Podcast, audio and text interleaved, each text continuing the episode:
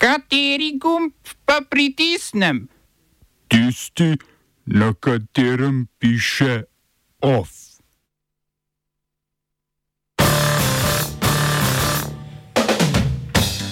IMF Pakistanu posoja skoraj 3 milijarde evrov. Svet RTV Slovenija začel z razrešitvijo Watmova. Iz prodaje športne loterije vendarle ne bo nič. SDS uložila interpelacijo proti zdravstvenemu ministru Bešiču Loredanu.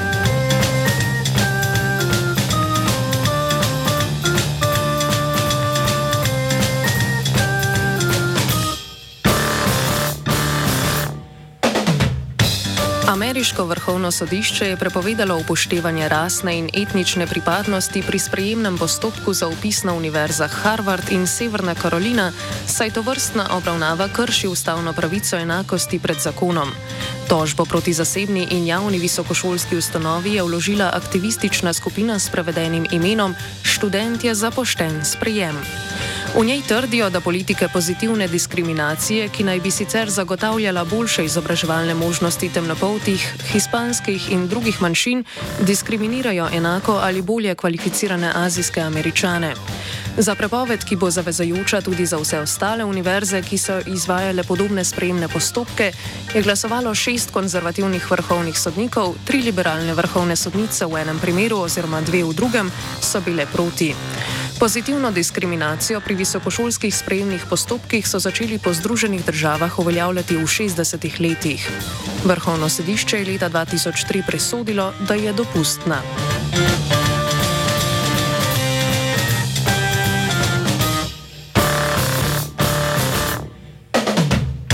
V več francoskih mestih, med drugim v Marseju, Grenoblu, Lilu in Lyonu in širšem območju Pariza, so tretjo noč zapored potekali protesti, ki so se končali z aretacijo 667 ljudi. Na ulicah po državi je patruliralo 40 tisoč policistov. Protesti sledijo smrti najstnika alžirsko-maroškega porekla, ki ga je med prometno kontrolo v pariškem predmestju Nanter v torek z neposredne bližine ustrelil policist. Policist je v priporu in obtožen umora.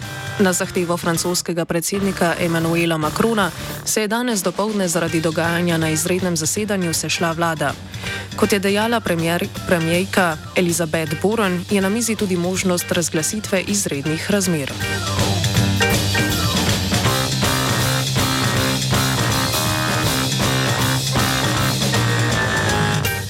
Predstavniki Mednarodnega denarnega sklada, poznanega pod kratico IMF, so dosegli dogovor s pakistansko vlado glede 2,2 milijarde evrov vrednega posojila.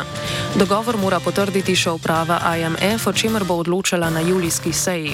Med pogoji za posojilo, na katere je morala pristati pakistanska vlada, je več pobranega davka v premalo obdavčenih sektorjih. Prav tako mora Pakistan ohraniti popolnoma tržno odločanje menjalnih tečajev med pakistanskimi rupijami in tujimi valutami. Pakistan ne sme uveljavljati omejitev na mednarodne, mednarodne transakcije in mora izboljšati podjetniško okolje, predvsem v energetskem sektorju. S posojilom se bo Pakistan skušal izogniti zunanjemu bankrotu. Dolg države je narasel zaradi višanja obrestnih mer v Združenih državah Amerike in posledičnega krepljenja ameriškega dolarja. Zaradi pomankanja tujih valut Pakistan ne more uvažati dobrin, kot je zemeljski plin.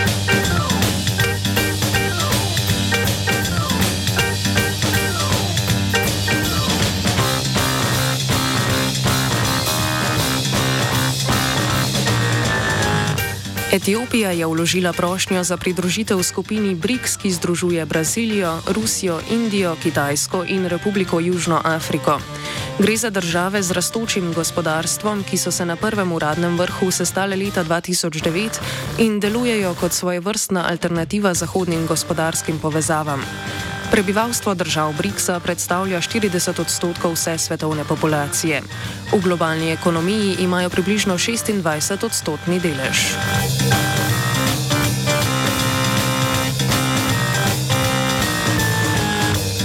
Včeraj se je iztekel rok, do katerega so se morale brezposelne osebe na Hrvaškem, ki sicer niso registrirane na Zavodu za poslovanje, za zaposlovanje, javiti Zavodu za zdravstveno zavarovanje. Od 282 tisoč oseb, kolikor jih ima po evidenci na podlagi brezposelnosti zagotovljeno zdravstveno zavarovanje, niso pa navedeni na Zavodu za zavarovanje, se jih je do včeraj javilo 124 tisoč. 1. aprila je na Hrvaškem v veljavo stopila novela zakona o obveznem zdravstvenem zavarovanju, ki brezposelnim nalaga, da vsake tri mesece Zavodu za zdravstveno zavarovanje javijo svoj status in če je njihovo stalno prebivališče še vedno v Republiki Hrvaški. Če tega ne storijo, bodo ostali brez zdravstvenega zavarovanja, komentira Ilko Čimič, novinar spletnega portala Index.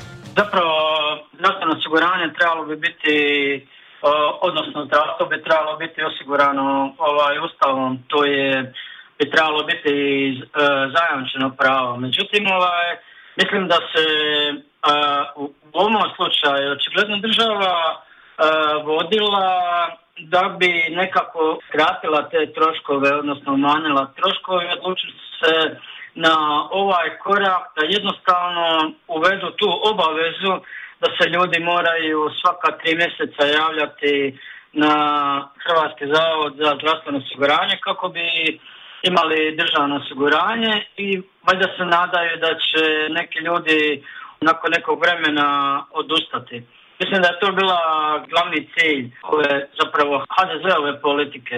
Ono što treba naglasiti u ovom slučaju da se očigledno radi o nečemu što je neustavno, protivno Hrvatskom ustavu i postoje više stvari zašto je to tako. Jedna od tih je da zapravo ljudi koji će izgubiti zdravstveno osiguranje za to neće dobiti nikakvo rješenje. Jer naravno da bi se žalili na neku odluku morate imati rješenje, a zakon predviđa da takvog rješenja nema. Isto tako nevjerojatno je da u 21. stoljeću da kraj svih mogućih e, mogućnosti, znači evidencije ljudi da se zapravo inzistira na osobnom dolasku na šalter. Ja bih tim ljudima svakako preporučio tužbe i ono što zapravo je dobro u ovom slučaju što će pučka pravobraniteljica, ona to već najavila da će ona zapravo podnijeti ustavnu tužbu, odnosno zahtjev za procjenu zakonitosti, ustavnosti ovog zakona radi očigledne diskriminacije. Smo se osamosvojili, nismo se pa osvobodili.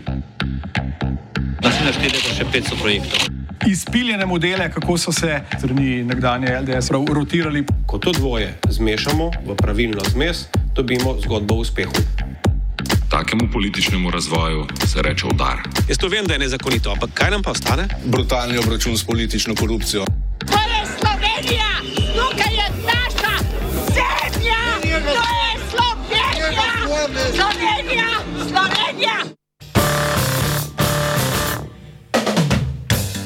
Svet Radio Televizije Slovenije je na izredni seji soglasno sprejel sklep o začetku postopka razrešitve vršilca dolžnosti generalnega direktorja RTV Slovenija Andreja Graha Watmova. Ta ima sedaj tri dni časa za odgovor na razloge za razrešitev. Svet je med razlogi za njo navedel, da Grah Watmov ni spoštoval sklepa sveta o zagotovitvi strokovne pravne pomoči svetu. Drug razlog je, da nakupi grafik ne sodijo med tekoče posle, ki omogočajo nemoteno delovanje RTV Slovenija in zagotavljajo izpolnjevanje profesionalnih standardov na področju izvajanja radijske in televizijske dejavnosti. Prav tako svet Grah Watmov učita sklepanje novih zaposlitvenih pogodb, konkretno z Rajkom Geričem za odgovornega urednika informativnega programa na drugem programu televizije kar po mnenju članov ne spada med tekoče posle. Med tekoče posle po mnenju svetnikov ne spada niti prodaja delnic Eutelsat Communications, čimer je Watmov kršil finančni načrt. V njem je bila prodaja delnic predvidena decembra letos, ne pa aprila. Svetniki so sicer ustanovili in imenovali člane delovnih teles.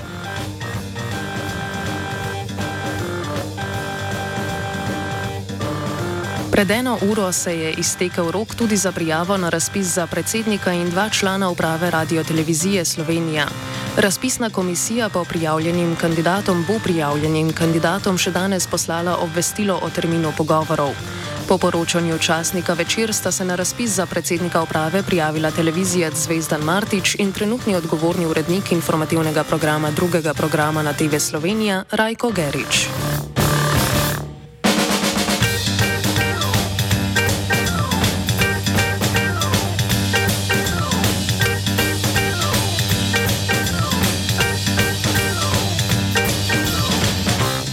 Ministrstvo za finance je sporočilo, da je prejelo obvestilo o umiku obeh olog za soglasje k pridobitvi deleža v športni loteriji.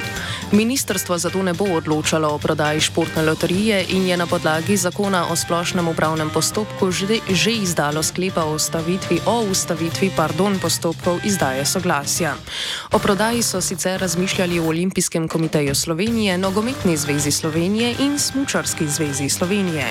Skupaj imajo našteti 57 odstotkov odstotni delež lasništva športne loterije.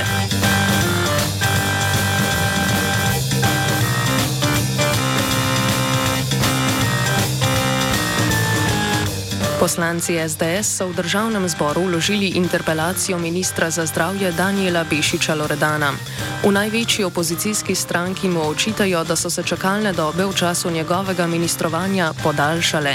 Kot navajajo, je 31. marca v primerjavi s 1. septembrom lani nad dopustno čakalno dobo čakalo skoraj 50 tisoč pacijentov več. Za skrajševanje čakalnih dob je vlada po navedbah SDS-a porabila okoli 137 milijonov evrov. Bešiču Lordanu v SDS očitajo tudi, da je prelomil obljube o časovnicah napovedane zdravstvene reforme. To je četrta interpelacija v mandatu vlade Roberta Goloba. Vse so vložili v slovenski demokratski stranki. V samostojni Sloveniji je to peta interpelacija ministra ali ministrice za zdravje. Nobena ni bila uspešna.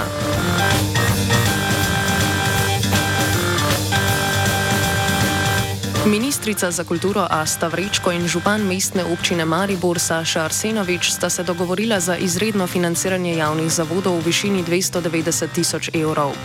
Arsenovič je dejal, da bodo zaradi denarja ministrstva lahko v polnem obsegu financirali vse projekte, tako tiste iz dveletnih razpisov, kot tudi tiste iz programa ljubiteljske kulture, prav tako pa bodo lahko 100 odstotno financirali druge programe v kulturi. Spomnimo, da je mestna občina Maribor društva z področja kulture v prvi polovici junija pozvala, da slaba dva meseca po sprejetju rekordnega proračuna sprejmejo manj denarja za svoje programe, ki jih že izvajajo v polnem obsegu.